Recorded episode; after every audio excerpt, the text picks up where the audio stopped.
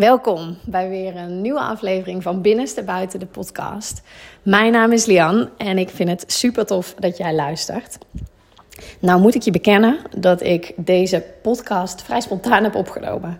Het begon als een kleine audionoot voor mezelf en het eindigde in een 15 minuut lange podcast. Dus um, zonder introductie. Hij is gewoon heel spontaan ontstaan. Uh, vandaar dat ik je via deze weg even een introductie wilde geven. Want ik denk dat die heel waardevol is. Met name om echt die rust te gaan voelen. Gewoon te zijn. Want dat willen we uiteindelijk. We willen gewoon zijn. In plaats van continu luisteren naar die verhalen van ons verstand. We willen contact maken met ons gevoel en gewoon zijn. Ons hart volgen. Nou, deze podcast gaat jou daar ontzettend bij helpen. Dus ik ga hem eh, aan je introduceren. Hij begint met een vraag, uh, dus laat je meenemen. En uh, ik ben heel erg benieuwd hoe je hem gaat vinden. Komt-ie. Wie ben jij wanneer je niks doet? Aan welke activiteit ontleen jij je identiteit? Um, soms is dat gewoon druk bezig zijn, de moeilijke weg kiezen ambitieus zijn. De reden dat ik uh, met je daarover wil hebben is omdat dit ontzettend een thema is geweest voor mij de afgelopen maanden. En ik heb hier een soort van visie op ontwikkeld die uh, mij, maar ook mijn klanten ontzettend helpt. Wie ben je als je niks doet? Laat die vraag maar even landen. En denk maar eens na over de antwoorden. Moeilijk is die, hè? Wie ben jij als je niks doet?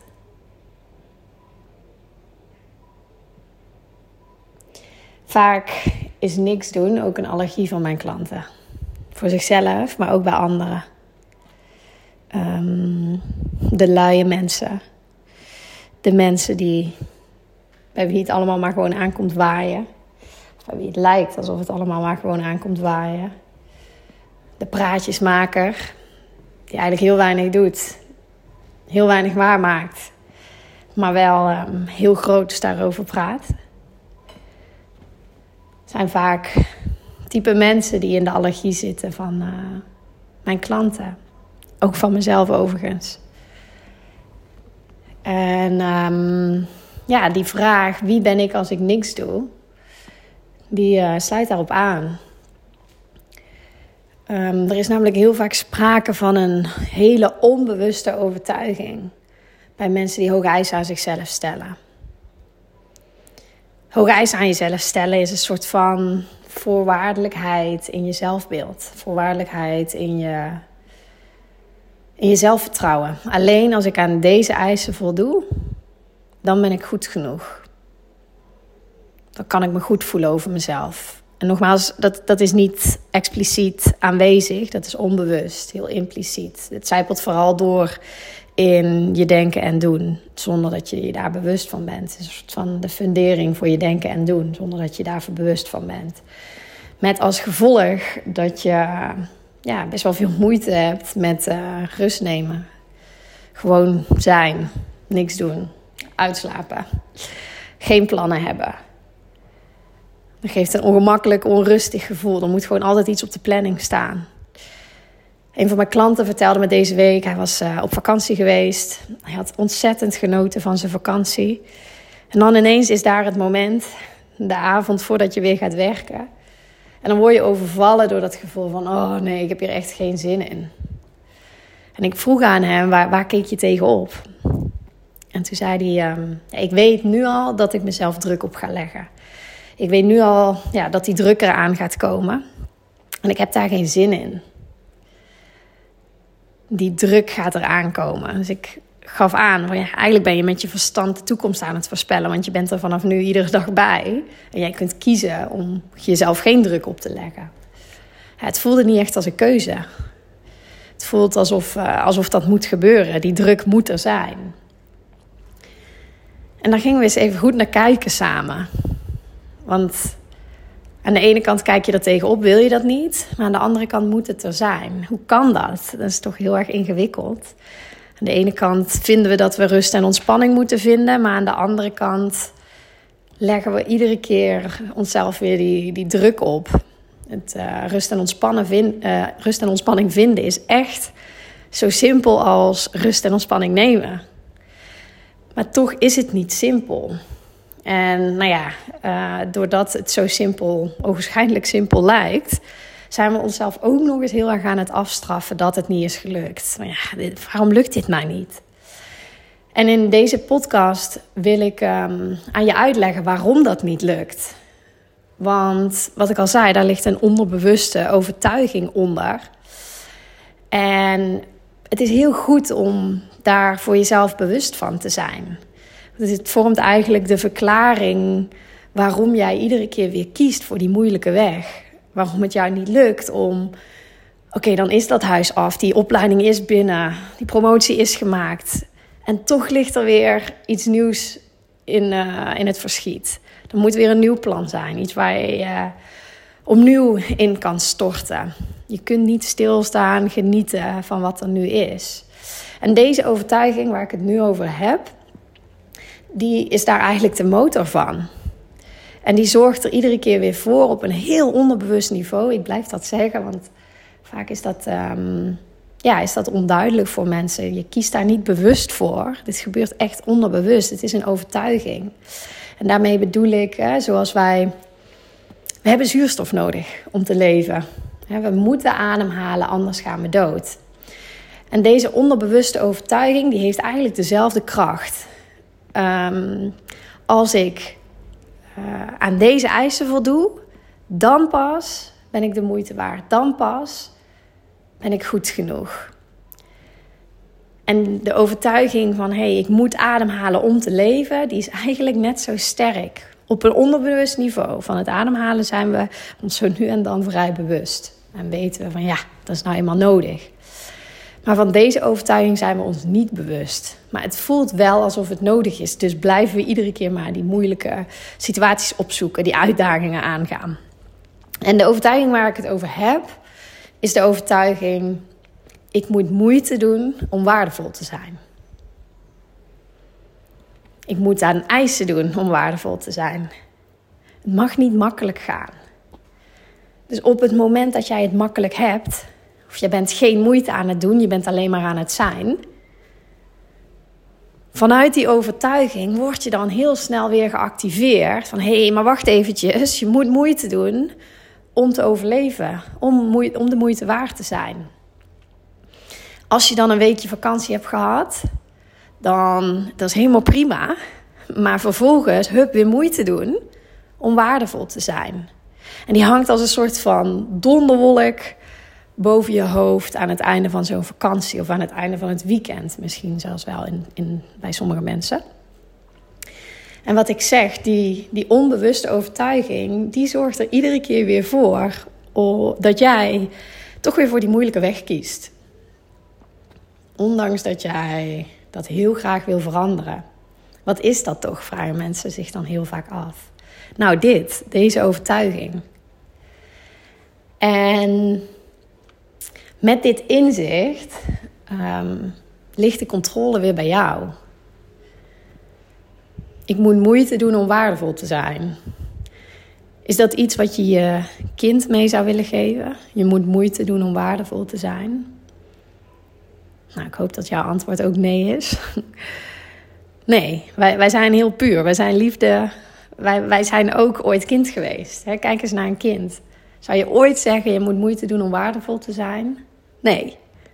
Nee, geen twijfel over mogelijk, hoop ik. Wij zijn ook kind geweest.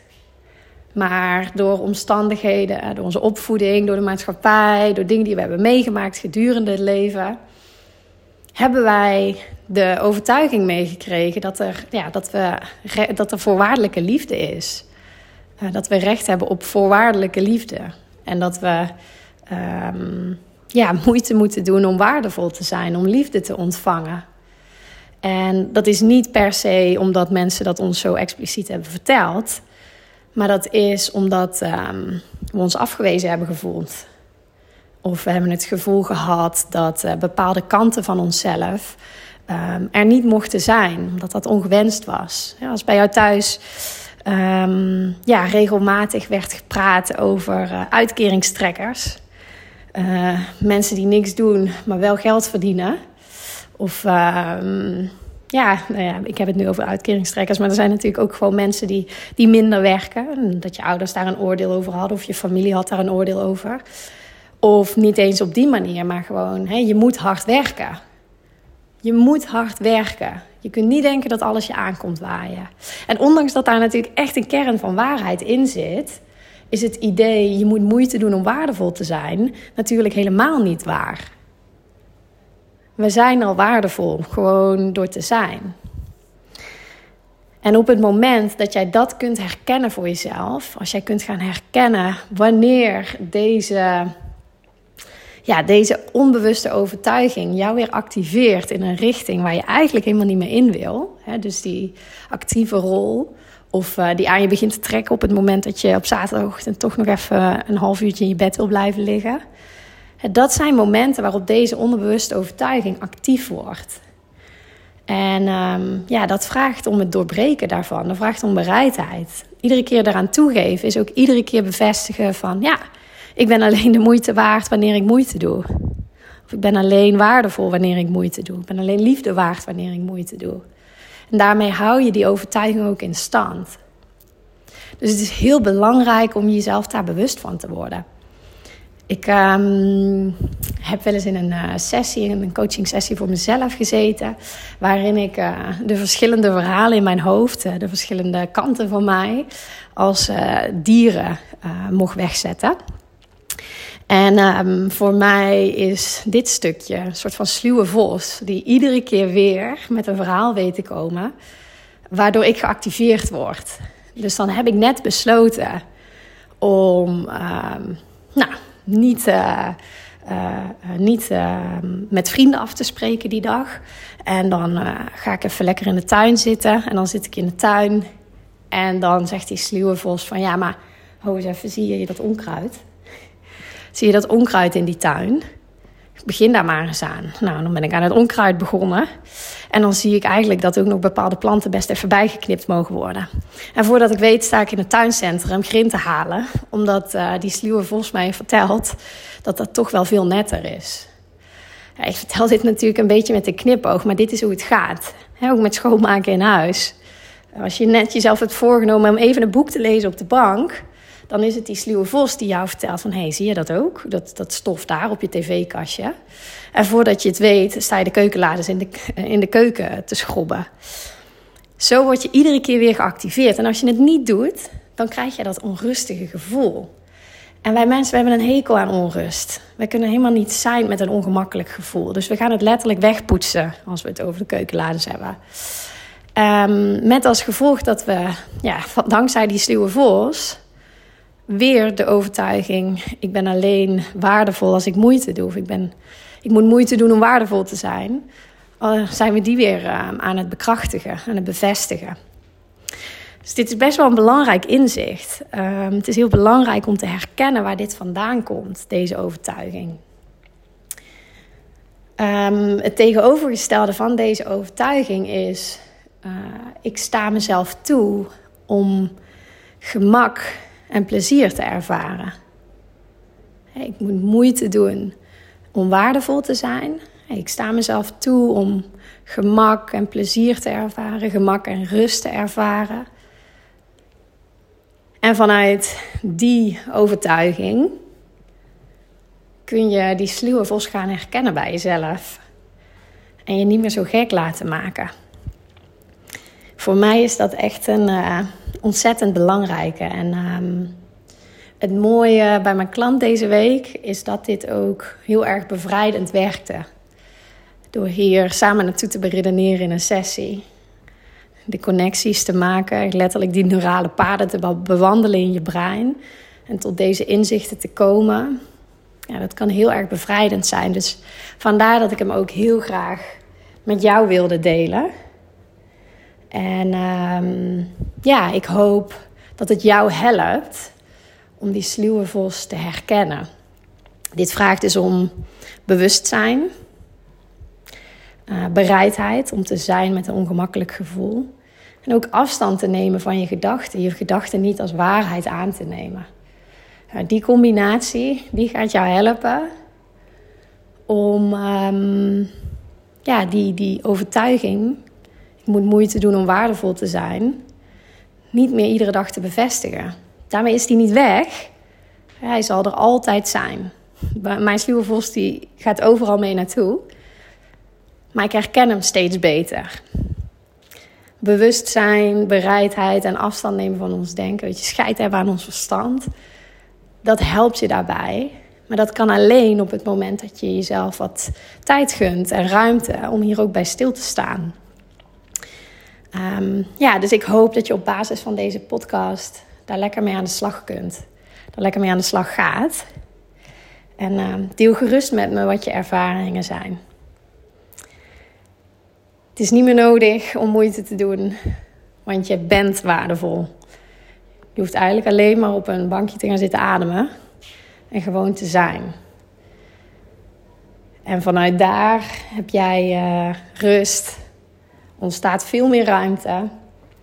En weet ik zeker dat uh, dat gevoel van tevredenheid en ja, vertrouwen ook steeds sterker wordt.